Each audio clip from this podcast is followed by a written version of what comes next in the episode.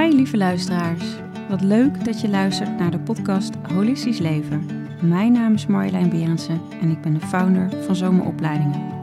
In deze podcast neem ik je samen met inspirerende experts mee in de wereld van holistisch leven. Wij doen alsof ons verstand meer waard is dan ons gevoel. Ja. En dat, dat is een leugen. Het begint met voelen en gelukkig kunnen we daarna ook nog nadenken.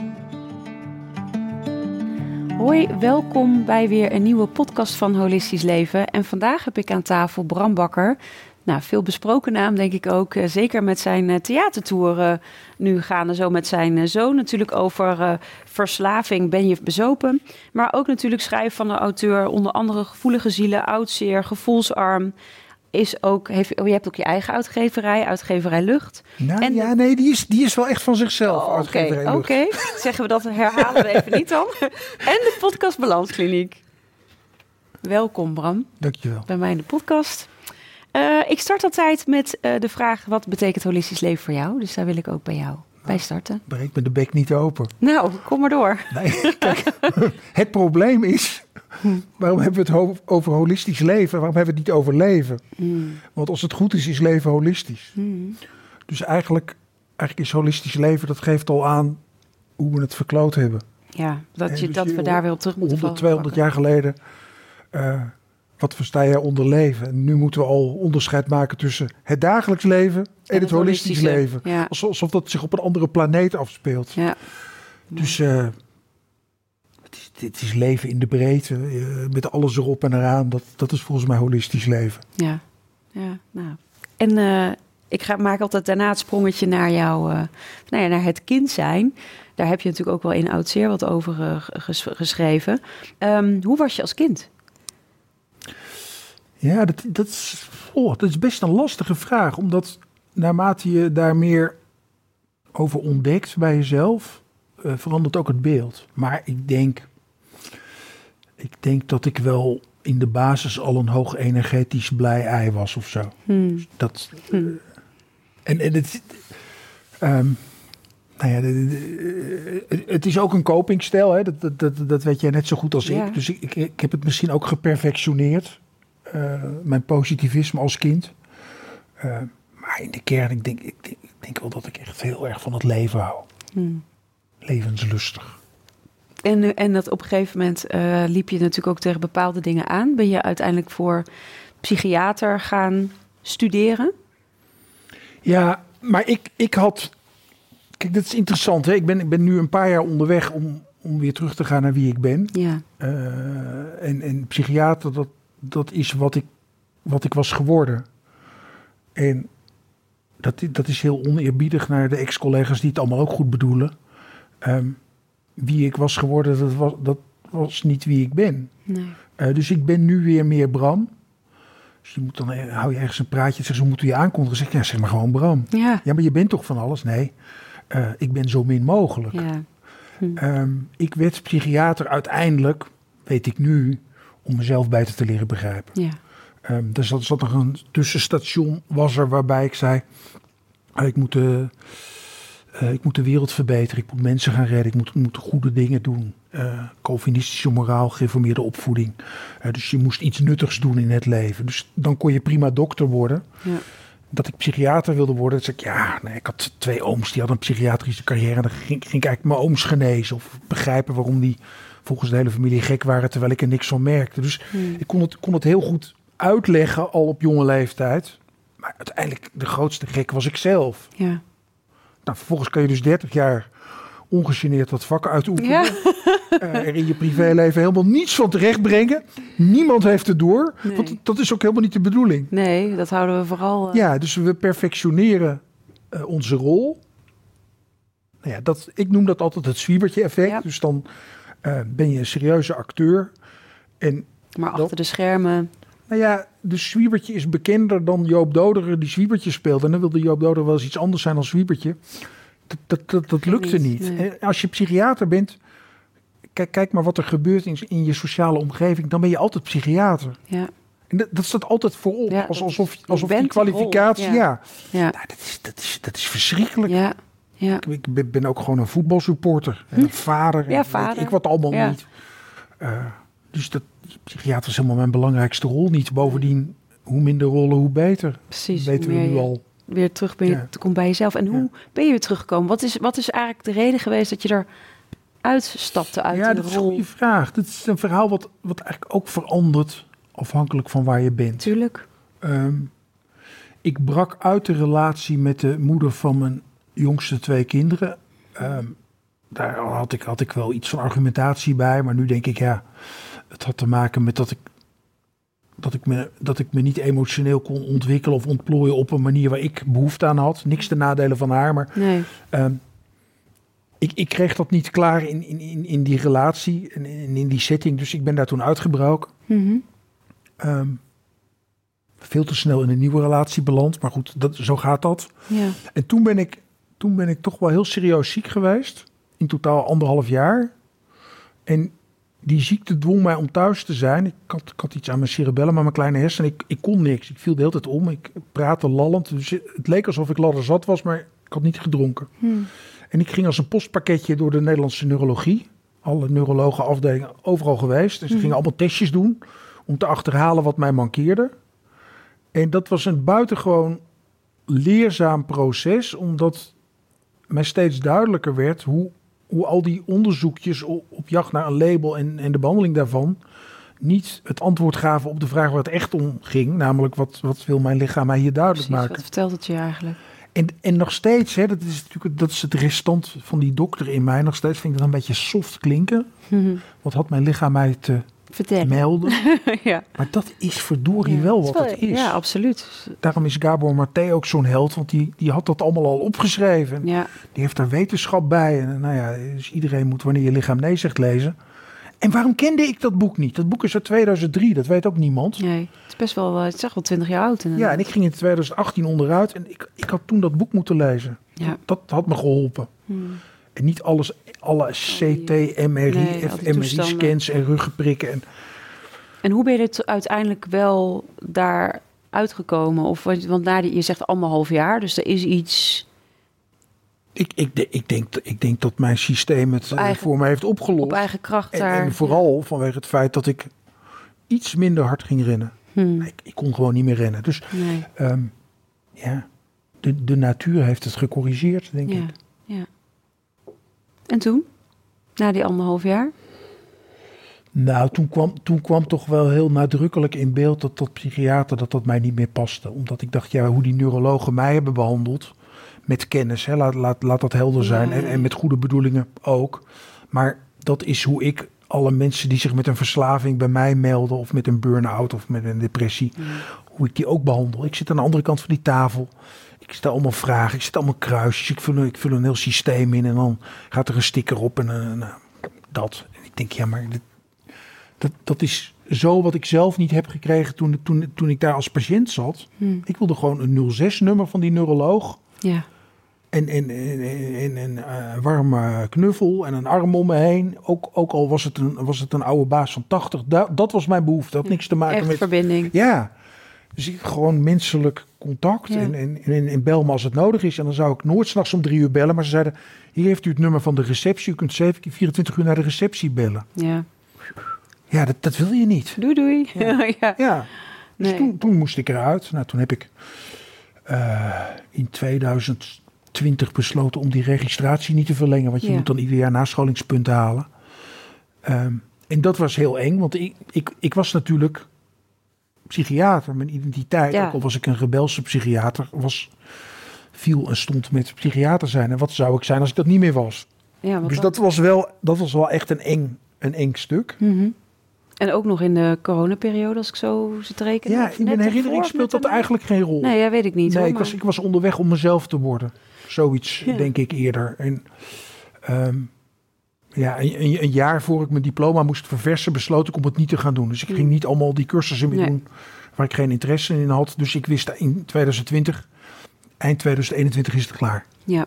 En toen, toen ben ik daar mijn boek over gaan schrijven, wat natuurlijk ook een vorm van verwerking was, waarom ik, waarom ik dat niet meer wilde zijn. Welke was dat? Dat was... Gevoelsarm. Gevoel- ja, gevoelsarm. Ja, Dus dat, dat ging over hè, die, eh, beroemde psychiater Jan Voedrijnen schreef ooit een boek Wie is van hout? En dat ging dan niet over de mensen met psychose, dat ging over de psychiaters. En Ja. Was mijn held. En ik dacht, de psychiaters zijn nog steeds van hout. Maar die titel was al vergeven. Dus Ja, toen dacht ik, dan noem ik het Ja. gevoelsarm. Ja, ja, ja. Dat zijn ze niet, daarom is ze nu gevoelige zielen. precies Maar dat enorm. ze doen alsof. Ja, ja. Hou daarmee op. ja, het is echt wel, eh, nou ja, die afstand dan, hè? Wat je, Nou, het is, weet je, het is, het, het, het is een keuze die ergens gemaakt is. Ik ga niet zeggen dat er geen argumenten voor waren, voor die professionele distantie, zoals het heet. Maar er waren minstens zo zwaarwegende tegenargumenten. En die, ze hebben daar niet goed over nagedacht. De, de norm werd onpersoonlijk. Dat is de norm. En, en je mag niet aangaan raken. En eigenlijk, daar gaat het in dat laatste boek ook over. Eigenlijk word je als, als je geneeskunde gaat, je wordt gewoon ontgroend. Ze zetten je als je 18 bent op een snijzaal. Dus je moet in een dood lichaam met een mes gaan staan snijden. heftig, ja. Eh, dat stinkt. ja, Eh, dat is verschrikkelijk. Maar als je dat drie keer in de week moet doen, urenlang, dan raak je eraan gewend. Ja. Dus zo leer het lichaam als een dood ding, als een machine ja, eh, ja, te benaderen. En, en dat is ook de bedoeling. Die opleiding is erop gericht dat je dat leert. ja. En dat moet ook als je traumachirurg bent. Dus als jij een kindje wat een gruwelijk ongeluk heeft gehad moet opereren, dan moet je niet denken, oh wat zielig Nee, voor dat moet je kindje. Nee, dan moet je, hakkie dus dan moet je uit en dan moet je, Ja. en net als al die traumahulpverleners nu in het Midden-Oosten, die moeten vooral niet in het conflict gaan. Die moeten vooral niet zien wat die mensen elkaar aandoen. Die moeten vooral geen verbinding maken met of het Palestijnen of Israëli's zijn. Daar gaat het allemaal niet over. Het gaat erom dat je technisch, zakelijk, precies je werk doet. ja, Maar dit, dit is de chirurgie. ja. En, en, en dat vak van mij, dat gaat over emoties. Ja. En dan, dan mogen ze er niet zijn. Dan moeten we zeggen, ja, eh, u heeft vijf van de negen symptomen DSM van depressie. Dus eh, u kwalificeert voor de hersenziekte en het cognitieve gedragstherapieprotocol. En ook nog Prozac en succes. ja. En het werkt niet. Nee, de. Of het werkt heel Ja, beperkt. ja. En mensen moeten er maar altijd aan de antidepressiva blijven. Ik weet dat ik 15 jaar geleden startte ik mijn praktijk als natuurgeneeskundig therapeut. En ehm, hoeveel mensen aan de antidepressiva zaten. Al tien jaar, al jaren. Nog steeds. Nog steeds. ja. Niet eh, ook naar de huisarts teruggingen. Ook van, ja, waarom zit ik er eigenlijk nog aan? Of daar enigszins mee bezig zijn. Ik vond het heel heftig. Nee, maar het is nog steeds heel heftig. Is het ook? Maar kijk, we- weet je wat, wat er gaande is? Ehm, en kijk, ik kom van de andere kant. Hè, dus ik zie wie bij jou in die podcast zit. En denk ik, ja, dat zijn allemaal fris en fruitige jongens en meisjes. Vooral meisjes die, eh, die, die hebben het zelf ontdekt. Of die hebben al begrepen dat, dat, dat deze aanvliegroute veel kansrijker is. Maar ik kom van de andere kant. Ja, dus ik, ik heb ik zeg maar alles af moeten leren. En wat je dan ziet, dat, dat is echt, kan, kan niet genoeg worden benadrukt is dat ze met dat hersenziektemodel, ze hebben het omgekeerd. Ze hebben, en, en dat is ook een beetje 2023, wij doen alsof ons verstand meer waard is dan ons gevoel. Ja, En dat, dat is een leugen. dat is enorm uh, Het, gevoelsarm. be- het begint met voelen en gelukkig kunnen we daarna ook nog nadenken. Dus ik krijg allemaal hele primitieve responsen wellicht in dit gesprek. Maar we hebben ons aangekleed. eh, we hebben afgesproken dat, dat we hier een Ja. dingetje doen als verstandige mens. En dat is helemaal goed. Ja, Maar doe nou niet alsof er ondertussen bij jou en mij niet ook van alles kan ja, gebeuren. Wat, wat wel relevant is, ook al doen we er niks mee. ja, maar het is er wel. Het Ja, is wel en aanwezig. als je dus gaat doen alsof alleen maar je verstand bepalend is, en dat is natuurlijk de, de gedachte achter cognitieve gedragstherapie. Je voelt je angstig.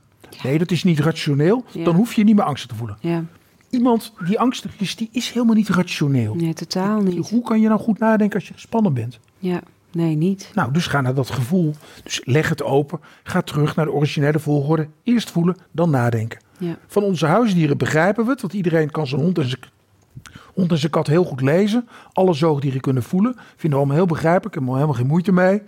Ehm, en wij mensen gaan doen alsof we anders zijn dan onze hond of onze kat. Terwijl de overeenkomsten zijn echt honderden keren groter dan de verschillen. ja, het is wel heel, heel heftig hè, eigenlijk om zo te... Ik vind, je bent natuurlijk ontzettende...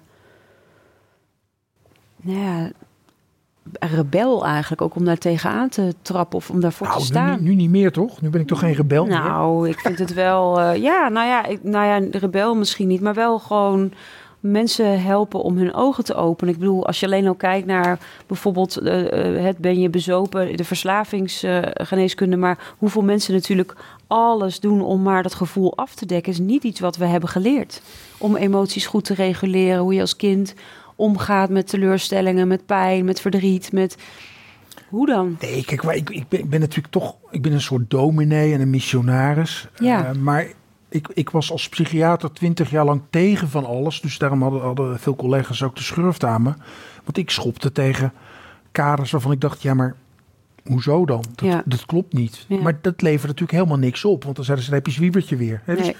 ehm, ik, ik moest daaruit. En wat ik nu denk, en daar, daarom wil ik geen rebel meer zijn. Ik, ik, wil, ik wil preken voor iets. Absoluut. Dus dat doe. Dat nou doe ja, je. doe dit, doe... Ja, je maakt echt een beweging. Nou ja, ik hoop het. Ja. ja. dat, en dat, ja, dat, dat zit in mij en dat, dat geef ik nu een beetje lucht. En ja, goed argumenteren, dat heb, dat heb ik van huis uit wel meegekregen. Maar Absoluut. goed voelen niet. Nee. Wil je wat vertellen over het boek eh, Gevoelige Zielen? Ja, kijk. ehm, eerst, eerst had ik dat eh, gevoelsarmboek geschreven. Wat, Mhm. wat natuurlijk ging over de beperkingen van het systeem. En waarom ik niet meer verder kon in het systeem. Toen dacht ik, ja, al die psychiatrische labeltjes in dat, in dat DSM-boek wat we hebben. Daar staat met grote letters voor in dat het niet uitmaakt hoe je aan die symptomen bent gekomen. Ja, nou, Ik dacht, dat is niet waar. Dat maakt wel uit. Ja, enorm. En toen ben ik gaan verkennen, zo- zowel in, in literatuur als, als, als vakkennis die ik had, als in mijn eigen leven, wat daar dan onder al die labeltjes zit. Want ik, nou, ik in ieder geval een ADD, ADHD-labeltje. Hm. Ehm, nou, her en der ben ik ook wel een beetje autistisch. Ik ben zeker ook narcistisch. Ik ben zeker ook Ja. eh, angstig, denk ik eigenlijk stiekem. Ehm, nou, een, een, be- een beetje PTSS haal ik ook nog wel. Dus ik, van heel veel labeltjes herken Herken ik wat. wat, maar ja. wat is nou de grootste gemene delen onder al die, al die labeltjes? Dat is oud zeer. Oud zeer. Ja. En toen, nou ja, toen, dat, dat is een fijne term. Dus dat, dat boek werd volgens mij vooral vanwege de titel een succes. Enorm. Iedereen, iedereen begrijpt bij oud zeer dat dat roept een gevoel op en niet, is niet, niet gelijk een disqualificatie. Kijk, als jij zegt op een verjaardagsfeestje, ik ben getraumatiseerd. Denk ik, nou Marjolein, ik ga even, ik ga even met je buurvrouw Ja, praten. poeh, wat Ja. waard dit. Ja. Ehm, maar als je zegt, nou, ik heb, ik heb een beetje last van oud zeer. Nou, dan kunnen we even, ja, dus nog wat, verder kunnen we wat te handelen. Ja. Ja. Want dat hebben we allemaal. Ja. En toen kwam ik, kwam ik weer terug bij hoe, hoe, hoe ik dat vak moest uitoefenen. Toen dacht ik, ja, bij de loodgieter thuis lekt de kraan. Je wordt geen relatietherapeut, bent, relatietherapeut als je goed in relaties bent. Eh, je gaat alleen maar in de verslavingszorg worden als je jezelf moeite hebt om maat te houden. ja. Ehm, dus wat, wat is kenmerkend voor mensen die zorg verlenen? Gebrek aan zorg voor zichzelf. Ja. En dat, dat heette vroeger het Florence Nightingale syndroom. Maar dat is alomtegenwoordig. Dus je gaat iets wat je gemist hebt, dat ga je dan aan andere mensen geven. Ja. En dat, dat is wel te begrijpen. En er zijn ook heel veel mensen die daar heel blij en dankbaar voor moeten zijn dat ze zoveel krijgen. Maar kunnen we nog even terug Ja, naar wat het over jou Ja. zegt Ja. en daarmee aan de slag. Dus dit boek is eigenlijk een pleidooi om iedereen die hulpverlener is, en dat zijn niet alleen mensen die in de zorg werken, want Nee. maar- Ouders zijn ook hulpverleners. En kinderen zijn ook hulpverleners. En mantelzorgers zijn hulp. Dus de hulpverlener reflex in ons. Daar, daar wilde ik op inzoomen. Wat maakt dat jij voor een ander gaat zorgen en niet eerst voor jezelf? Ja. Ja, heel herkenbaar. Ik denk voor, voor veel mensen ook die bij ons de opleiding volgen. Dit is echt wel een stuk waar we eerst naar binnen gaan. Waarom doen we... Nee, maar st- stel, stel, jij was stewardess.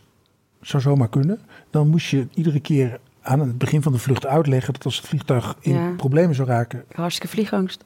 Oké, nou. Nee, bij kijk, wijze van- nee, nee, nee, maar- nee, maar ik nee, moest even- Mondkapje, Ja, mond- mondkapje. En dan eh, moet je dus de passagiers uitleggen dat je dan eerst je eigen mondkapje op moet zetten en, En da- dan daarna pas- de passagiers om je heen. Ja. Maar ik weet, ik weet vrij zeker dat ook Marjolein als, als, als stewardess, eh, vliegtuigdeskundige, als het vliegtuig neerstort, toch eerst even de dochter het mondkapje op wil gaan zetten. Ja, het is bij veel... eh, ja, het is wel grappig. En dat is het, hè? Dat is het, Dat ja. is het. En, en ik met mijn kinderen ook. Ja. En je kan natuurlijk zeggen, wij zijn liefhebbende ouders en onze kinderen zijn het belangrijkst. Maar dat is niet waar. Nee, klopt niet. Wij zijn het belangrijkst. ja, ja, ja. Ja, het is echt interessant. Ik was een, een paar weken geleden had ik een uh, opstellingsdag bij Elmer Hendricks, collega. Ja, dat is de koning. Ja, joh. Elmer is de koning, echt, de keizer. En, I love him. Ja, ja. en uh, toen zei hij ook, Marjolein, kun jij zeggen, ik ben belangrijker dan die en die. Nou, dat ging allemaal heel makkelijk. Ook belangrijker dan je dochter. Toen dacht ik, oh ja, dit is wel, daar zit hij ook. Ja. Want daar ben je nog niet trouw aan jezelf, dus ook heel gevoelig voor eigenlijk dat oude zeer wat niet is opgelost. Maar Elmer is volgens mij ook degene die zei dat het grootste geschenk wat je je kinderen kan geven is dat je heel goed voor jezelf Exact, dat zei hij daarna. Ja. Dat was daarna. Nou, ik was, ik was, was zo mooi. Ik was op een of ander festival aan het optreden deze week en er was een mevrouw die was heel erg boos toen ik dat zei, want het was niet waar. Toen zei ik, ja, u heeft waarschijnlijk altijd uw kinderen voorrang gegeven. Ja, nee, zeker. En dat moest ook. En nou ja, die zat helemaal in het, in het defensief. Ja. Dus, dus die, die hulpverlenersreflex, die zit in ons allemaal. Vooral in de relatie met onze kinderen. Heel erg, heel erg. En is ook al wat je, wat je, ja, je geeft je leven voor je kind of hè, in ieder geval. Maar het was voor mij een paar weken geleden wel echt. Ik voel dat er ook een hele transformatie op dat vlak ook gaande is, op dat stuk. Wat hij echt zei, dat ik het ook, ook zo kon voelen. Ja, en, en dat is natuurlijk dat is de uitdaging. Want ik, denk, ik denk dat heel veel mensen het best wel weten en ja. het begrijpen. Ja, maar het voelen. Je moet het voelen, want anders, anders kan je het niet transformeren. Dus als je het niet voelt, gebeurt er niks. Nee, nee, dat is wat ik jou vertelde. Dat ik uit een toxische relatie eh, stapte. En daarna pas zag hoe mijn, zug- mijn dochter ook opbloeide. Dus ik heb echt voor mezelf gekozen. Ja, in die relatie had jij waarschijnlijk de toegang niet meer naar jouw kwetsbare binnenkant. Nee. Dus dan is daar niks te bewerken, want dat staat uit. Exact. Of overigens, ook al is de relatie niet toxisch, iets wat je in veel relaties ziet, dat mensen de verbinding met zichzelf verliezen om Ja. op de focus Om de op die- relatie op die belangrijker. ander, ja. die ander ligt. ja. Dus dat je eigen behoeftes gaat wegmaken, want Ja. ja, dat kan niet. Ja, Hanne Kuppen zei zo mooi van... eh, ben je bereid om, eh, om de relatie met de ander... eh, met hem, of met hem in dit geval, te verliezen... om, jezelf, om de relatie met jezelf weer terug te vinden. En dat is wel echt... Dat, is, dat ging dwars door alles heen. Dus het was zo helend om weer een beweging naar jezelf daarin te maken. Nou ja, uit- uiteindelijk is het beste wat wij kunnen doen, is ons als een desperado gedragen in de liefde. Ja. En, en el- elke dag opnieuw bereid zijn om ermee op te houden. Ja, Of er weer voor te kiezen. ja. En, en never take it for granted. Want Nee. als, als je even niet oplet, sluipt het er weer in, ja, sluipmoordenaar. dan, ja, dan, en, dan, en dan ga je weer in het standje uit. Ja. hey, en eh, het standje aan, want eh, ben je bezopen? Vertel, wat ga je met je zoon? Je moet vanavond in Arnhem zijn. Ja, mijn, eh, Perfect. eh, mijn, mijn zoon en ik, en dat, dat, dat raakt eigenlijk ook wel aan alles waar we het nu over gehad hebben. Ik vond het een heb mooie- mooi bruggetje, Ja, ja, ja. ja. Nee, ik heb, ik heb een... eh, ik, ik heb een bewogen relatie met mijn zoon, met, met, met, met veel hoogtepunten, maar ook heel veel serieuze dieptepunten. Ehm, ik was niet zo lang met zijn moeder. Hij werd geboren uit een relatie waarvan ik eenzijdig nu achteraf zeg, dat was misschien voor mij toch niet een goede relatie. hmm. Onafhankelijk van wat zijn moeder daarvan denkt. Eh, Maar hij was er. En hij heeft een oudere broer. En ik voelde me wel verantwoordelijk. Misschien nog wel meer naar zijn oudere broer dan naar hem. Mhm. Niet Eh, jouw biologische kind? Of? Nee, dus ik was ja, stiefvader. precies. Ook ja, stiefvader. zij, zij Ja, had al een zoon. Ja. Ehm, dus ik ging, ik ging mijn best doen om het goed te regelen. Voor die beide jongens. Maar tegelijkertijd gunde ik mezelf eh, een tweede kans, een tweede leg. Die is er ook gekomen. Mhm. De relatie met de moeder van mijn jongste was totaal anders dan de relatie met de moeder Van, eh, van, van mijn zoon. Mhm. Ehm, maar ja, dat, dat, dat, heeft, eh, dat heeft hem veel gekost. Hmm. En ik heb die keus gemaakt. En, eh, Ik voel hem gelijk hier. ja, nee, maar Ja. Ik, ik neem mezelf dat natuurlijk ergens kwalijk. Dus wat er gebeurde eh, toen hij naar de tweede klas van het, van, het, van het gymnasium ging in Amsterdam. Toen dacht ik, nou nu kunnen wij de stad wel uit. We woonden op een bovenhuis in Amsterdam-Zuid met, met twee kindjes. En we wilden een huis met een tuin.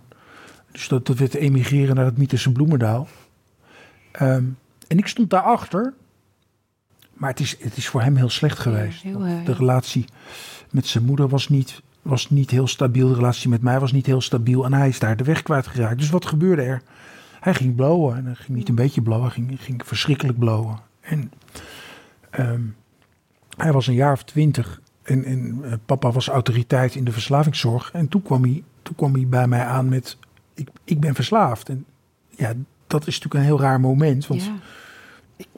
Was helemaal niet verslavingsgevoelig. niks, niks, niks met drank en drugs. Het Nee, ja. ging echt niet over mij. Nee. Zat, zat, zat in de familie van zijn moeder, weet je, ook nog zo. Ja, ook nog lekker lekker, weg, lekker, eh, lekker afschuiven. Maar ineens had mijn kind het. Hmm. En ik voel me natuurlijk onwijs schuldig. Ja. En dat, dat, helpt, dat helpt niet. Maar je, ja, je moet wel verantwoordelijkheid nemen voor je aandeel. Ja. Hij heeft niks aan mijn schuldgevoel. Maar verantwoordelijkheid nemen voor wat, wat ik daaraan heb bijgedragen. Nou, dat, dat is me eigenlijk. Dat is me eigenlijk heel lang niet gelukt. Hij, hij wordt nu in december 29. En ik, ik denk dus sinds ik met mezelf aan de slag ben. Jaartje of vijf nu Hmm. is onze relatie netto aan de beterende hand. Dus er is nog, zeg maar, vanaf dat hij de kliniek inging, papa regelde een verslavingskliniek Ja. in Thailand voor zo'n lief en betaalde het vliegticket en materieel Ja. eh deed, Voorzienend, deed- deed ja. ik mijn ding. Maar emotioneel was ik natuurlijk toch niet, niet echt betrokken. Nee. Bij hem niet, maar ook bij mezelf niet. Nee. Nee. Nou ja, dus dat. Ja. Eh, dom interview gegeven aan een krant waarin ik zijn naam heb genoemd. Dus het verbrak hij het contact, wat ik niet begreep. Want ik ging toch alleen maar Ja. vertellen dat ik geen haar beter was dan al die mensen die ik hielp. Dus ik, ik, ik, ik verdacht mezelf ervan een idealist te zijn. Maar ik beschadigde hem. Nou ja, het zijn allemaal processen waar we doorheen zijn gegroeid samen. En ja, dan komt uiteindelijk het moment dat hij een getalenteerde, gediplomeerde, echt hele leuke cabaretier is. Ja. En, en ook men- men- mensen die niet mijn vriend, zien, vriend zijn, zien een talent in hem. Hij, is, hij heeft echt talent. Ja.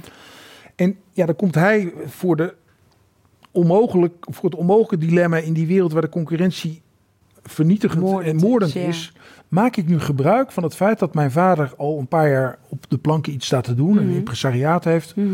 of niet? Nou, dat had ik natuurlijk al lang voorgesteld. Ik dacht, oh leuk. ja, leuk samen. Ja, Ja. En uiteindelijk is Vimmer daar zelf op teruggekomen en heeft gezegd, nou, we gaan het doen. Ja.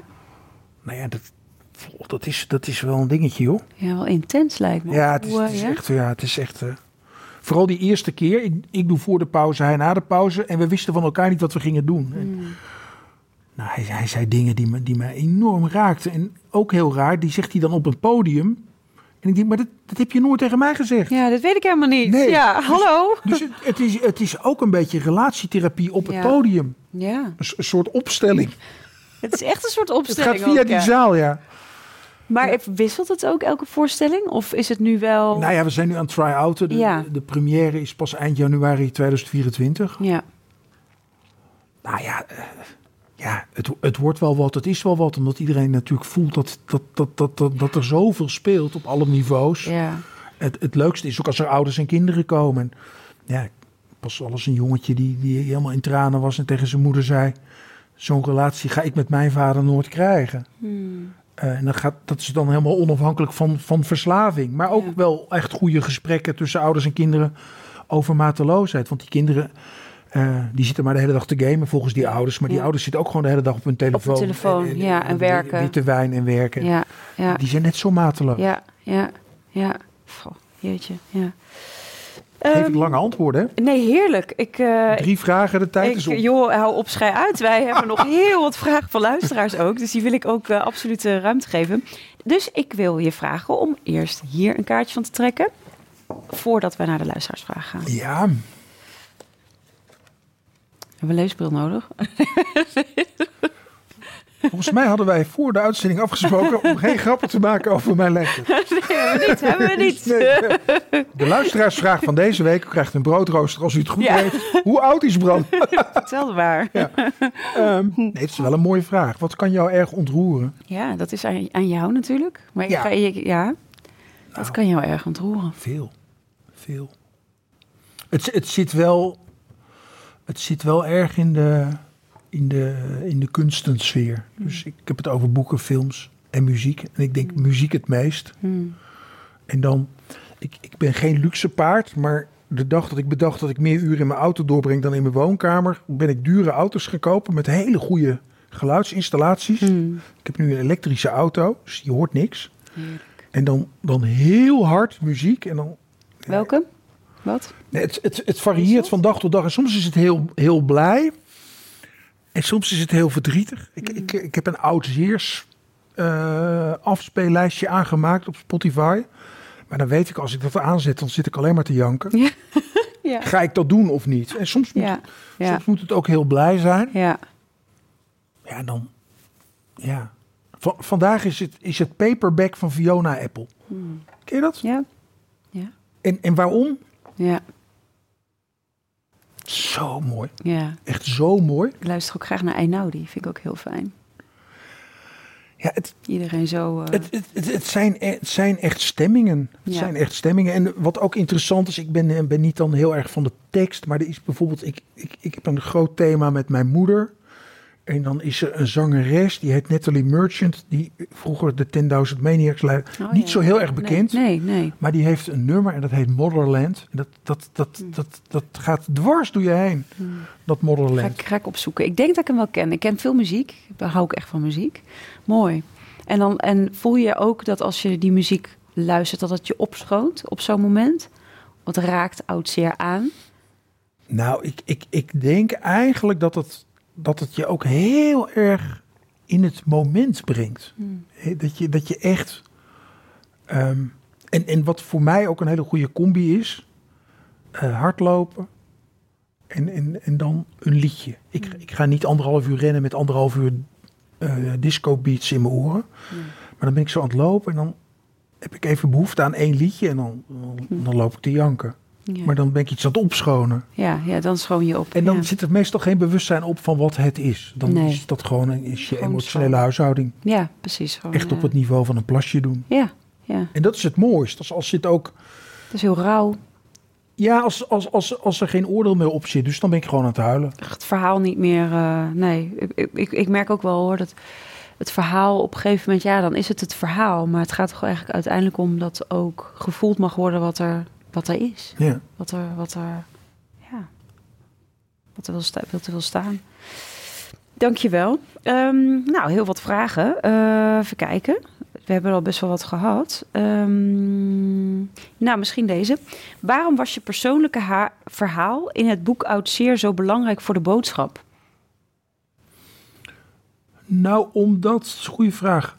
Ehm, om, omdat ik oprecht geloof dat, dat als je zelf het werk niet gedaan hebt, dat je dan andere mensen niet kan helpen met het werk. Dus ik wilde laten zien eh, dat, dat het bij mij er niet beter voor staat dan bij wie, met, met wie ik ook praat. Ik heb een enorme, enorme behoefte aan maximale gelijkwaardigheid. Ja. Dus ik, mijn verlangen is altijd dat jij niet de baas bent en ik ook niet, maar dat we.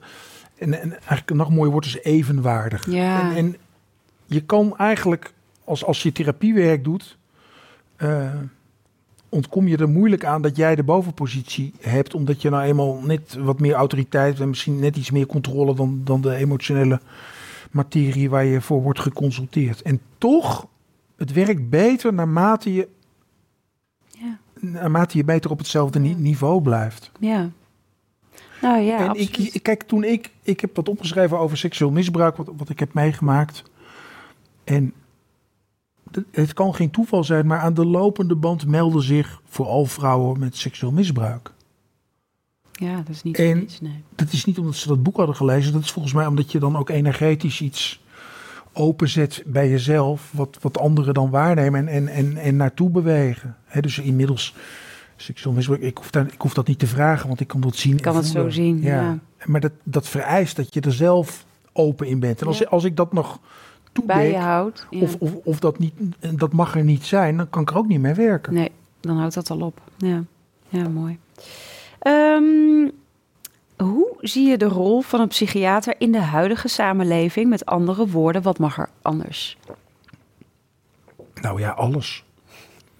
Nee, kijk, de, de, de, eh, het, het probleem is niet de psychiater. Het probleem is het, is het eh, ziektemodel. Dus de gezondheidszorg is ingericht aan de hand van ziektes. En dat betekent dat er pas iets kan gebeuren als er een diagnose is. Maar dat is niet wat psychiatrie in, in, in, in haar ideale vorm is. Ehm, dat is niks meer of minder dan Marjolein belt aan bij Bram en zegt: Ik zit niet lekker in mijn vel. En dan zeg ik: Goh, Marjolein, heb je dat al lang? Is er een aanleiding? Ehm, wat, wat betekent voor jou niet lekker in je vel zitten? Waar voel je het? Mhm. Ehm, wie heeft er last van? Wat heb je tot nu toe geprobeerd eh, te ondernemen om lekkerder in je vel te zitten. Nou, dan zijn we voor je het weet een uur verder. Ja. En dan hebben we met elkaar verzonnen dat daar een diagnose op geplakt moet worden. Ja. De, dus Ja. ik, de psychiatrie zou ongelooflijk gebaat zijn bij het achter zich laten van dat Van die ziektemodel. Ja. het ziektemodel is niet, is niet in zichzelf verkeerd. Want als jij of ik ons been breken, dan laten we het repareren.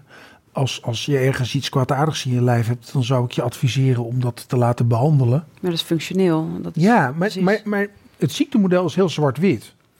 Maar emoties, die zijn niet zwart of wit. Die, die zijn soms heel donkergrijs en soms heel lichtgrijs. Maar zwart of wit, dat zijn ze niet. Dus we werken in een gebied wat zich niet leent voor een zwart-wit ziektebenadering. Nee, dat werkt gewoon Dus de psychiatrie zou, zou, zou niet meer met ziektes moeten Nee, werken. maar meer, met, meer naar gezondheid toe. Dan, als ik hem omdraai.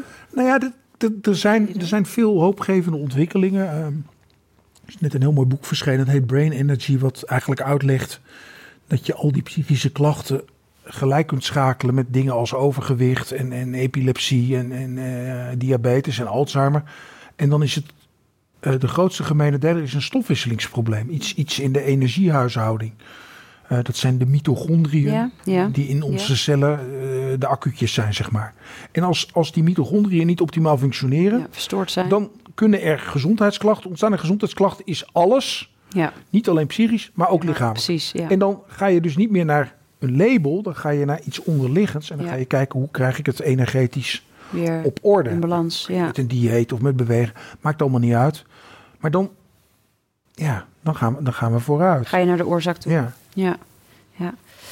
Ehm, je hebt gesproken over het belang van beweging voor mensen met psychische klachten. Kun je uitleggen hoe dit inzicht je benadering van de psychiatrie heeft beïnvloed?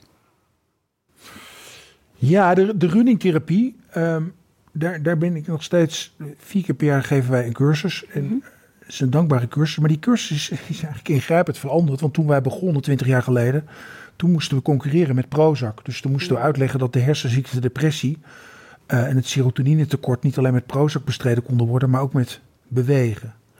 In, inmiddels kijk ik er volstrekt anders naar en denk ik dat bewegen gewoon een, een, on, on- ja, een onvermijdelijk onderdeel is van gezond leven. Ja. Dus als, als we niet bewegen, ja, dan gaan we, gaan we iets wat in de, in de basisbehoeftes van, van ieder mens zit, Ga dat gaan we ja, niet precies. gebruiken. Ja, Dus bewegen is, is even fundamenteel als eten en seks. ja, En het bizarre van 2023 is dat we ons dan daar de tijd niet meer voor geven, terwijl ook vind het heerlijk. elementaire behoeftes. Ja. Ja. maar jij bent natuurlijk al niet meer gemiddeld. Ja, nee, dat is ook, ja, dat is ook zo. Ja, ik zou het niet meer zonder kunnen. Nee, maar kijk, al die mensen die in die Ja. kantoren, die, die achter die computerschermen zitten, Ja, die denken ik moet mijn to-do-lijst af hebben. en dan? Ja, Dan kom ik thuis en dan ben ik moe en dan ga ik niet meer bewegen. Nee. Dan neem ik een witte wijn. ja, ja, ja, ja, ja, dat, ja dat, is, dat heb je gelijk in. En, en wat, wat vervelend is, maar dat moet ik gewoon wel zeggen. Wij denken altijd omdat, omdat het groepje mensen wat bewust is of wakker wordt, eh, wel een beetje groeit, dat, dat we op de goede weg zijn.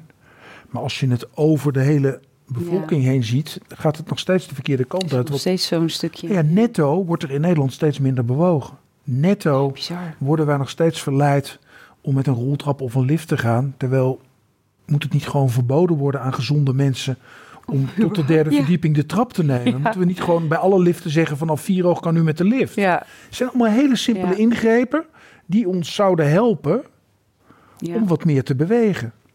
Ja, eens. Helemaal mee eens. Maak, maak de parkeerplaatsen eh, waar, waar het iets verder lopen is net iets goedkoper. Dan gaan mensen heus wel een stukje lopen, want zuinig zijn we allemaal. Ja, dat Maar- is echt. Er is geen politiek, er is geen beleid wat gericht is op bewegen. Dus bewegingsarmoede, weten we, is een risicofactor voor ongeveer alle gezondheidsproblemen. Heel veel, ja. Ja, en runningtherapie is dan eigenlijk bewegen om, om, om, om je beter te voelen. En, en ook al vind je hardlopen niet leuk, als je het hebt, voel je je beter. Mhm. Maar aan de andere kant is evenveel te doen, namelijk mensen helpen om door te blijven bewegen. De kans op een burn-out of een andere afknapper te voorkomen. Ja, ja. Even een kleine break tijdens de podcast Holistisch Leven. Nieuw namelijk bij Zomeropleiding is de opleiding tot spiritueel coach. Waarbij je jouw unieke, intuïtieve en mediamieke gaven in kan zetten om mensen te begeleiden naar meer bewustwording.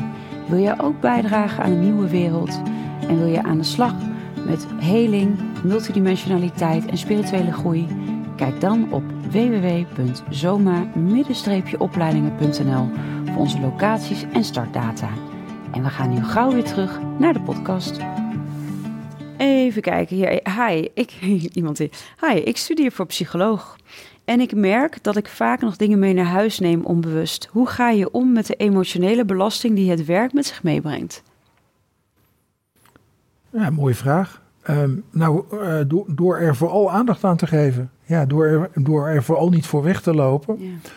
Uh, dus, dus in een geval als dit, denk ik, uh, ga vrienden en vriendinnen zoeken met wie je het er eindeloos over kan hebben. Kan sparren, ja. Ja, ik denk dat. Kijk, dat, dat is dan in, in, in de structuur van de zorg is dat verplicht. Hè? Eén keer in de week of één keer in de maand intervisie, supervisie. Ja. Dat soort dingen. Ik denk dat dat veel, veel frequenter zou moeten. Veel informeler, veel laagdrempeliger. En veel veiliger. Dus, dus dat je met een clubje mensen die je echt vertrouwt. Ja, een buddy of zo, dat doen wij. Uh, hebben wij uh, Nou ja, kijk, toen, toen ik psychiater was, het, het, ging dan over, ja, pil A werkt niet, pil B werkt niet. Zal ik nu pil C doen of pil D? Of, oh, oké, okay, uh, zo doe, echt. Doe, doe, ik er een tweede bij of haal ik er eentje van af? En dan hadden we dus allemaal, dit gaat dan over therapieresistente ja. depressie. Ja. Ja. Maar ondertussen, dat voelde ik dan, zat ik dan met een collega en dan ging het, ging het over, over een mevrouw van 38 jaar. Het is alleen staat een moeder en zielig, zielig. Je bent gewoon hartstikke verliefd op die vrouw. Je, je bent eigenlijk blij dat die pillen niet reageren. Dat kan, kan, jij, kan, kan jij, jij nog extra je werk doen? Maar, maar dat, dat kwam niet, dat kwam niet wow. ter sprake. Dus dan ging, het, ging het over ja, pillenbeleid. Precies, over, maar ik zag dat die collega, die wilde die vrouw redden tot, tot, tot in het oneindige. En ook prima. Lekker in het drama driehoek. Uh... Nou ja, gooi het eruit. Weet je? Uh, dat het er mag zijn. En ik denk wel... Nou ja, dat is al, het al, als, als je kwetsbare emoties taboe zijn... Ja, ja. Is echt een taboe dan, ja. inderdaad. Als je dat zo... Uh, ja. Ja. Dus, dus ja, geef, geef het aandacht, geef het aandacht, geef het aandacht. Ja. En, en zorg dat het veilig is. Ja, een veilige setting zonder oordelen. Want dat... Nou ja, kijk, ik, ik, ik mag niet, ik wil niet, ik kan niet aan patiënten zitten. Dat heb ik ook nooit gedaan. Maar stel, hier in mij gebeurt iets wat, wat, wat daarnaar ruikt. In, nog maar in de verste vet. Ik heb er nog niks mee gedaan. Mhm. Mm -hmm. Ik weet dat het niet... En het, het moet ook niet. Maar hoe verklein je nou het risico op een ontsporing? Dat is door het te delen. Ja, juist. En het is natuurlijk verschrikkelijk gênant. Want hoe kan jij nou een hulpbehoevende man of vrouw aan de andere kant van het bureau uh, aantrekkelijk vinden? Dit is echt een taboe onderwerp. Maar tegelijkertijd, alle statistieken laten zien dat dit vak, wat met de kleren aan wordt uitgeoefend, het grootste aantal seksuele grensoverschrijdende gedragingen kent. Zo, ja? Ja, ja je, je bent veiliger bij de gynaecoloog dan bij de psychiater. Echt? Ja. Oh, dat heb ik ook niet zo gerealiseerd, nee. Nee, dat, ja, ja. ja. Dat, dat komt omdat het over gevoelige emoties gaat in dit vak. En omdat die gevoelige emoties aan die kant van de tafel spelen, maar ook bij mij. Precies, dat en als je op dat niveau gaat verbinden. Ja. Dat, precies. Je verbindt gewoon toch dat wat... eh, ja. ja, En, en, en dan nog al die verwarring die dan meekomt. Dat op het moment dat je verbinding voelt met iemand. Dat als je, als je dat allemaal niet goed hebt doorgewerkt. Dat je denkt. ik oh, moet daar ik vind mee. die man of vrouw heel aantrekkelijk. Precies, ik Wat moet daar iets iets mee. heel anders is dan dat je een verbinding voelt. Ja, ja, ja, ja, ja, ja, helemaal mee, helemaal goed, fijn uitgelegd ook. Ehm, laatste. Eh, wanneer kwam je met het inzicht om op holistische wijze te kijken naar jouw cliënten? We, zijn, we, zijn, we zijn bijna rond nu, hè? Want We Eh. begonnen hiermee. ja, ja. Ehm, ik weet niet wie dat zei, maar dat is toch zo'n beroemde zie de mens en dan met, met SCH. Mm. Dat, dat is het volgens mij. Ja, Ehm,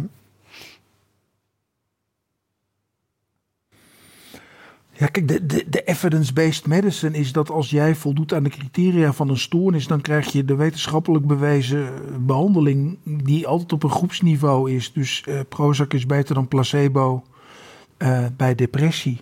ja, En dan ga je dat doen en daar kunnen mensen van profiteren. Ehm, de, de vraag is natuurlijk wel, als ik jou zou zeggen, Marjolein, ik ga jou nu een gemiddelde behandeling geven. Vind jij dat? Nee. Vind je, Nee, je wilt toch liever een beetje eh, een, een behandeling die een beetje eh, bij Marjolein past? ja, maat. eh, Ja, maat. nou, als je dan ziet dat eigenlijk de, de bulk van de mensen die in de GGZ instroomt er misschien wel iets aan heeft en ook misschien soms veel aan heeft, Maar dat eigenlijk bij hoge, hoge uitzondering mensen geheeld verdwijnen. Dus eh, een depressie geneest niet, want het is geen ziekte. Maar je kan, je kan, je kan het transformeren, je kan, ja. kan ermee leren omgaan. Nou, om dat te doen moet het persoonlijk zijn. Dus, dus moet je de hele mens in beeld krijgen. In beeld krijgen. En moet je het verhaal van iemand kloppend maken. En het verhaal is vaak heel truttig. Hè? De, denk in romantermen. Ik ben in hoofdstuk 8. En ik loop vast en ik weet het niet meer. En dan gaat er iemand met jou meelezen en meedenken. En zegt, ja, maar in hoofdstuk 3... daar is nog een personage... En daar heb je het niet meer over gehad. Maar ja, dat je die in hoofdstuk 3 hebt opgevoerd, dat zegt wel iets. Dus misschien moet die. En dan, oh ja, oh ja. Precies zo. En, en, en, en, dat, en dat, dat kan een oom zijn die zich grensoverschrijdend heeft gedragen. Dat, dat, dat, dat kan een moeder zijn die losse handjes had. Ja. En het verhaal kloppend maken, dat, dat maakt, dit maakt het werk zo leuk. En het gaat niet om de waarheid, het gaat om waarmee kan jij verder leven. Dus als jij, als jij denkt dat het slecht karma is, of, of, of 5G, of het coronavaccin. Alles, alles buiten je, ja. Ja, maar ik, ik vind het, ja. ik keur alles goed. Ja als het voor jou maar kloppend is. Precies. Alleen denk ik wel, probeer in jezelf iets te vinden. Dus, dus het toeschrijven aan anderen of de omstandigheden is psychologisch gezien niet zo heel productief. Nee, want je kan dat niet fixen. Dat kan je niet. Uh, je bent er zelf ook niet te fixen, daar niet van. Maar ik bedoel meer van dat. Uh, dan leg je de verantwoordelijkheid ook buiten jezelf. Nou ja, alles, alles wat je zelf doet, heeft kans op duurzaam effect. Ja. Alles wat uit een potje komt, stopt eigenlijk op het moment dat je het potje niet meer nuttigt. En dat maakt niet uit of het antidepressiva zijn of vitaminepillen of, wat dan ook. Of microdosing. Ik, ik keur alles goed, maar als het niet meer of minder wordt dan dat, dan gaat het geen stand houden. Nee, dan blijft het. Uh... Net zoals we weten dat, dat de therapie of de behandeling waar jij voor kiest, uh, is de belangrijkste voorspeller van succes. Want als ik met jou wil praten, dan is de kans dat dat gaat werken die is a priori al veel groter dan dat ik me aanmeld bij een loket en een nummertje trek en zeg, uh, nou deze, deze man gaat het met jou doen. Ja, ja, ja, ja. hey, en we hebben een uh, opdracht hè? Ja. Vertel, wat gaan we doen? Nou, in, in, in dat oud, kijk, um, ik stond zeg maar een beetje uit, altijd, naar, naar, uh, naar mijn klanten in mijn werk. En vanaf het moment dat het me gelukt is om wat minder uit te staan, kan ik, kan ik van alles bij mezelf waarnemen. En kan, kan ik mezelf als instrument gebruiken. En dat kun je leren, dat kun je gewoon oefenen. En hoe kan je dat nou oefenen? Dat kun je oefenen door op zoek te gaan naar je, naar je eigen oud-zeerpunt. Mhm. Dus wij hebben allemaal nare, moeilijke herinneringen in ons leven, want dat, dat hoort bij het leven. Maar we kunnen daar veel beter mee verbinden dan we ons bewust zijn. Mhm. En heel plat en makkelijk is van je bent gedumpt door je partner en dan heb je gebroken hart. En dan, oh ja, ik voel het. Ja. Dat, dat, is, dat is het makkelijke. Maar probeer eens, dat, dat wordt dan de opdracht, probeer eens iets pijnlijks van vroeger. Probeer, dat, mhm. probeer dat eens op te sporen. Waar zit dat in je lijf? En probeer daar eens, probeer daar eens naartoe te gaan en verbinding mee te maken. Dus mensen thuis mogen meedoen nu, toch? Jazeker. Ja, oké. Dus um, mensen thuis, doe lekker mee. Moet ze een oog sluiten? Wat, wat, nou, Hoeft niet. Dat, dat, kan, dat mag. En het is ook niet erg om even na te denken. Dus, dus uh, wat, wat kan helpen is bijvoorbeeld een onderscheid maken tussen oudzierende mannenlijn en oudzierende vrouwenlijn. En bij sommigen zit het heel erg in de afwezigheid van een vader of, of de dominantie van een vader. Maar dat, dat kan ook bij de moeder zitten. Dus zit je oudzeer, is dat, is dat jouw mannenlijn of is dat jouw vrouwenlijn? Dat, dat, dat kan een voorzetje zijn. Mm -hmm. En ga dan eens terug naar waar de pijn zit in de relatie met die vader of die moeder? Op welk, op welk moment heb je dat gevoeld? En was het een moment dat er iets gebeurde wat niet had mogen gebeuren? Of was het een moment waarop je iets niet kreeg waar je wel naar verlangde? Hmm. Vaker, vaker dat laatste. Mm -hmm. Je kwam thuis, uh, had je heel, heel erg pijn gedaan, lichamelijk pijn. Je wilde getroost. En je moeder zei nu even niet. Jij hebt iets nu. Mm -hmm. Ik voel het. Ja. Waar voel jij het? Hier. Ja, ik ook. Kijk, zijn goed afgestemd. Ja. Dus voor de gevorderde, je kan, je, kan dit dus, je kan het ook samen doen. Je kan het eerst bij jezelf doen. Mm -hmm. Maar op het moment dat jij daar bent en ik opensta naar jou, dan voel, je het direct. voel ik het op ja. dezelfde plek. Ja. en ik voel jou ook. Dus het is wel grappig. Ik En dat kunnen wij allemaal. ja. We kunnen, dit, dit kun je dus gewoon oefenen. Heel, heel simpel voorbeeld. Iedereen herkent het. Jij loopt s'avonds laat in het donker in een, in een onbekende omgeving. En er loopt iemand achter je. En jij weet, waarom weet je niet, of dat een eng iemand is of een ja, onschuldig iemand. precies. Dat is echt, ja. Dus wij hebben het vermogen om gewoon waar te nemen, ja, energetisch, ja. wat, wat er om ons heen gebeurt. Om het maar het helder voelen. Maar, ja. Ja. En wat gaan wij, gaan wij dat doen? Dan gaan wij een beetje gezellig zitten kletsen. God Marjolein, hoe gaat het met de opleiding? Is het druk met de opleiding? Ja, ja. Verkoop je boeken? Ja, van, nou, gaat, gaat ook goed. En eh, met je zoon? Ja, alles.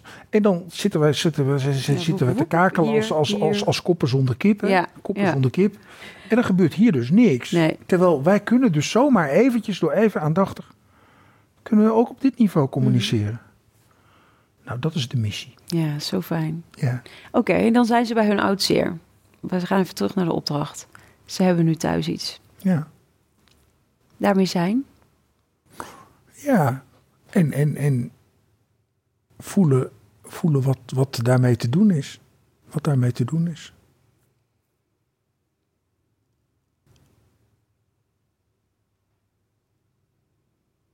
Kun je er nog iets mee? Wil je er nog iets mee? Verlang je nog naar iets? Hmm.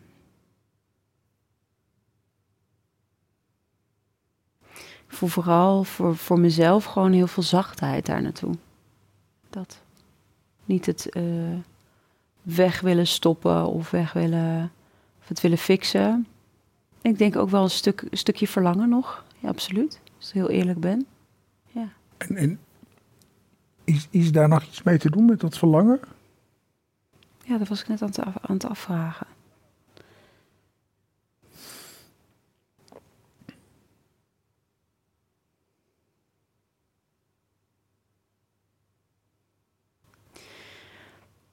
Het voelt wel voor mij heel erg dat eh, de rauwheid van het antwoord nee ook wel heel, ehm, heel puur en echt daarmee is, zeg maar. Mhm. Dus, dus eh, dat ik daarmee niet de neiging heb om te gaan vluchten. Dus zeg maar de, de realiteit of de waarheid is helend. Dat je, het- dat je het kan verdragen. Ja, dat, ik- dat ik het kan dragen. Dat dat, dat, dat dat verlangen nooit zo zal worden ingewilligd. Ja. Dan voel ik gelijk wel een stukje verdriet. Maar het is wel fijn op zich, weet je. Dus het is niet iets... Nou ja, als je dat kan dragen, dan ben je natuurlijk al ver. Ja. Kijk, kijk de, de technische uitleg is dat heel veel mensen dit moeilijk vinden, omdat er schuld en schaamte voor zit. Mm. Dus dat ze hebben pijn, maar ze houden zichzelf eigenlijk verantwoordelijk voor die pijn. Dus naar die pijn toe gaan, ehm, dat, dat roept zoveel op dat het niet lukt. Mm. Als je, als je jezelf als onschuldig mag, durft, kan beschouwen, Ja, dan kan je naar die pijn. Ja. Dan is die pijn niet weg, maar dan is die pijn een soort neutrale realiteit. Een soort gegeven waar, Ja. waar geen moreel oordeel overheen hoeft. het voelt alsof die soort van in mijn bekken hangt. Ja. Het is gewoon dat ik het kan dragen, ook letterlijk mijn bekken het kan dragen. Mhm. Ja, en het is wel rauw en wel verdrietig. Maar het geeft ook wel rust. Een bepaalde berusting Ja. of zo. Ja.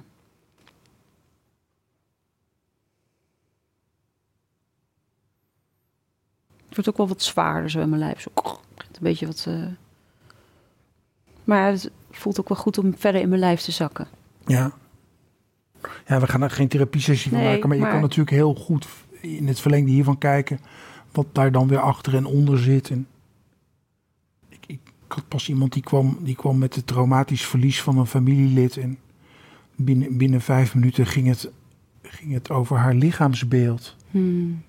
Hmm. En dat, dat was, dat was, was zo'n onlogische bocht en in vijf minuten, maar hij volgde op dat eigenlijk Dat wat. dat we het heel snel eens waren dat niet, het- dat niet het verongelukken van dat familielid het probleem was. Maar alles wat er al lag, wat was getriggerd door dat overlijden. Door dat, en wat er al lag, had helemaal niks nee, met daarmee te familielid maken. te maken. Ja, mooi. Maar nou ja, goed, daarom is dit werk zo leuk. Ja. Zo dankbaar. Dat, Nou ja, zo, zo, ik ben natuurlijk zelf eh, in eerste instantie therapeut. En ja, zomaar is natuurlijk een uitgekluit gewassen zielsmissie. zo maar zeggen. En, ehm, Maar dat is het ook. Weet je, het voelt, al, voelt ook zo fijn dat je een soort van CSI bijna bent. Van uh, hoe zit het? En die nieuwsgierigheid te behouden.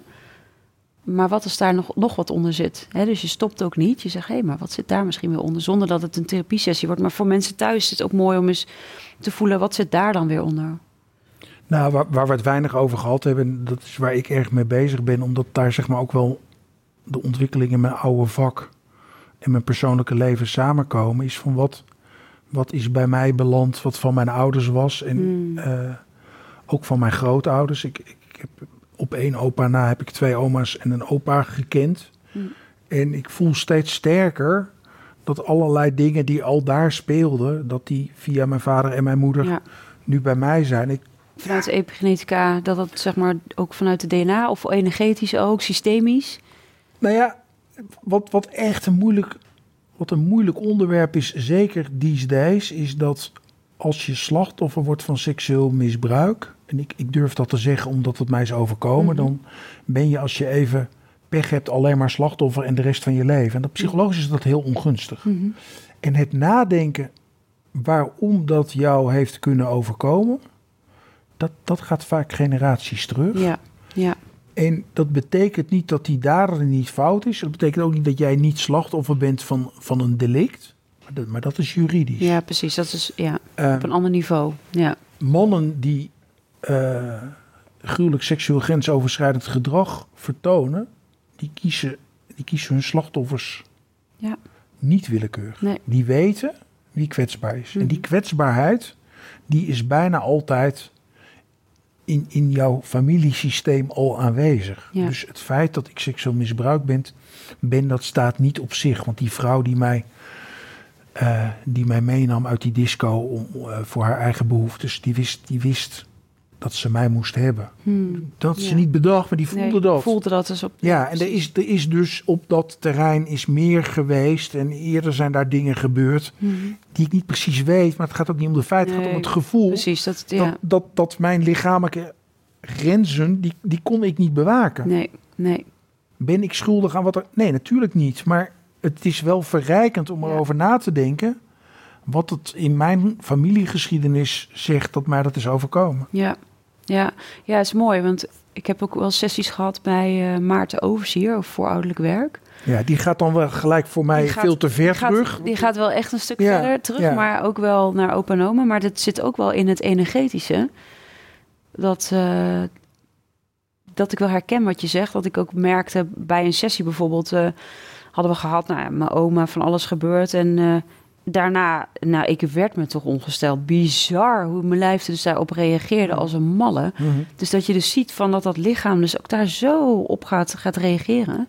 Maar inderdaad, ik snap wat je zegt. Je hebt natuurlijk daar heel veel manieren om te kijken. Maar ik geloof zeker dat ja, een dader heeft een slachtoffer nodig. En een slachtoffer heeft daarin ook in het systeem een dader nodig. Er is iets wat, wat beide elkaar aantrekt. En we, we, we, zitten, we zitten zo vol met allemaal trauma's van generaties voor ons. Je ziet het ook, vind ik, eh, heel erg met wat nu in het Midden-Oosten speelt.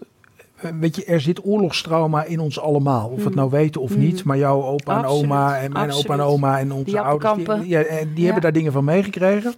En dan gebeurt er nu iets wat eigenlijk toch heel direct terugvoert naar die Tweede Wereldoorlog. En je ziet dat mensen emotioneel veel meer getriggerd raken eh, dan door wat er in Oekraïne gebeurt met Poetin. Want dat is ook fout. Ja. Daar hebben we ook wel een mening over. En, en terecht ook die mening. En het is verschrikkelijk wat er gebeurt. Dat weten we ook allemaal. Mhm.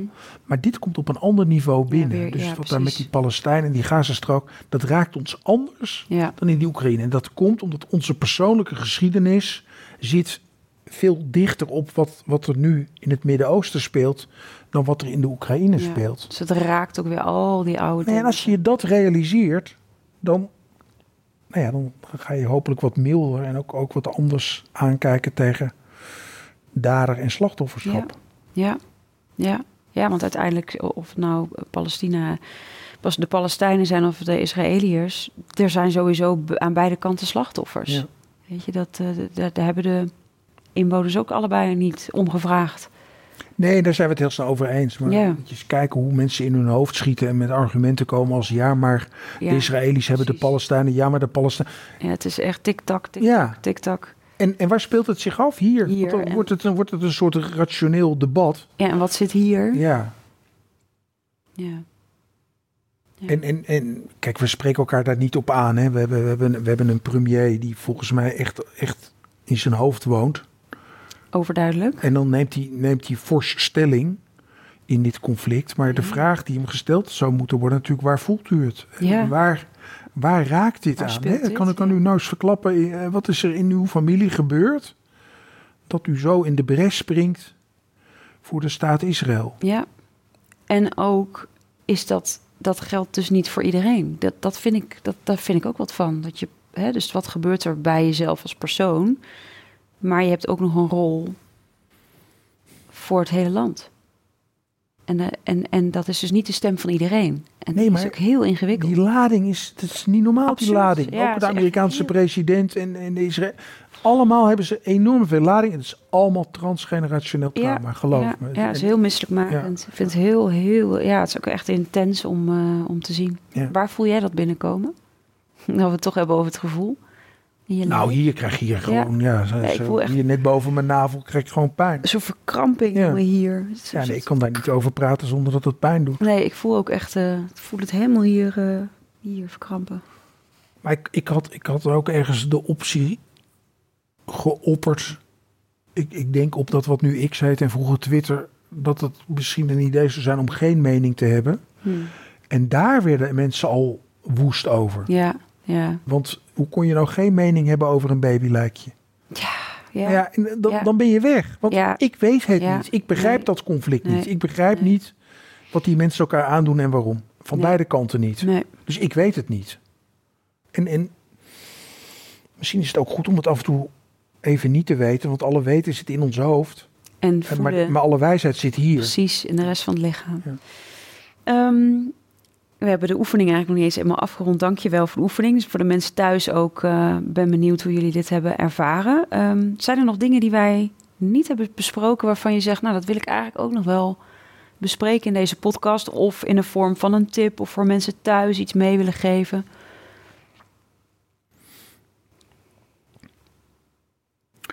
Nou ja, het is een beetje een open deur. Maar alle, alle clichés zijn cliché geworden omdat ze meestal waar zijn. Ehm, maar ik, ik zou zo graag willen dat, dat, dat mensen proberen dicht bij zichzelf te blijven. En, en eh, je opwinden over alles wat er in de wereld niet deugt. Het is allemaal prima, maar willen, willen we deze wereld echt nog een beetje duurzaam prettig Hm. eh, achterlaten? Zorg, zorg dan heel goed voor jezelf en je eigen leefomgeving. Want dat, dat heeft echt veel meer, Ja, veel meer impact, Impact dan op de denkt. A12 gaan liggen. Of ja, wat- waar ook goede argumenten voor zijn. Hè? Maar je eigen duurzaamheid, kan dat alsjeblieft een beetje, Hm. kan dat een beetje hoger op de prioriteitenlijst? ja mooi, mooi. Wat kunnen wij nog van jou verwachten? Je gaat het theater in, vanavond sta je er weer. Komen er nog nieuwe boeken of programma's, dingen die... Ja, ik ga, nu- ik ga nu iets engs doen. Ik ga nu iets uitspreken wat ik, wat ik van plan ben. Ja, kom maar door. betekent dat, dat ik niet staat komen. vast. Nee, ik, ik heb al mijn hele leven heb ik, heb ik een fantasie, een droom en ook een, eh, een angstbeeld voor me. Namelijk eh, dat, ik, dat ik zou een roman willen schrijven. Hmm. En dat idee is heel oud. En ik denk, eh, ik denk dat het nu gaat gebeuren. Mooi, Dus ik heb binnenkort een afspraak met de beoogde redacteur. En, gaaf. Nee, het, het geeft me de vrijheid. Kijk, in die boeken, ik probeer echt oprecht niemand te beschadigen. En, en mijn kinderen en, en, en geliefden en ex-geliefden en familie zoveel mogelijk buiten beeld te houden. Dat, Mhm. dat is al niet helemaal gelukt in de relatie met mijn ouders. Nee. Ehm, dat moest dan maar. Maar als ik een roman schrijf, eh, dan, dan, dan, Heb je zo... dan, dan kan ik het vanuit mijn fantasie laten Ja, komen. vrijheid. En dan komt er hopelijk ook een dimensie bij, waardoor het, waardoor het niet alleen voor mij, maar ook voor de lezer eh, nog meer aan de emotie raakt. Hmm, mooi. Dus, dus dat, dat is het project voor de komende jaren. Nou, daar gaan we ons op verheugen. Ik hoop het. Ik, zeker weten. Ik wil je ontzettend bedanken voor deze podcast. Nou, Heel erg gevoel. dank voor de uitnodiging. Ja. Het was, eh, het was fijn. ja, het was fijn. Dankjewel. Hm. Dankjewel, lieve luisteraars, kijkers, voor weer uh, bekijken van deze podcast. Uh, laat absoluut, absoluut even weten wat je van deze podcast met Bram vond. Volg hem en uh, zeker het theater in zou ik zeggen. Ik ga daar ook nog heen. Nou ja, ik moet even kijken waar. Maar je draait er genoeg nog voorlopig tot maart en daarna komt het ook nog. Kom in Ede in december. 14 december in Ede. Kijk, nou, mooie uitnodiging voor in Ede. Dankjewel en tot de volgende week. Dankjewel voor het luisteren naar de podcast Holistisch Leven. Holistisch Leven is een prachtige ontdekkingsreis. We reiken je graag de tools en kennis aan om je in deze reis te begeleiden. Ben jij door deze podcast geïnspireerd om de volgende stap richting een holistisch leven te zetten?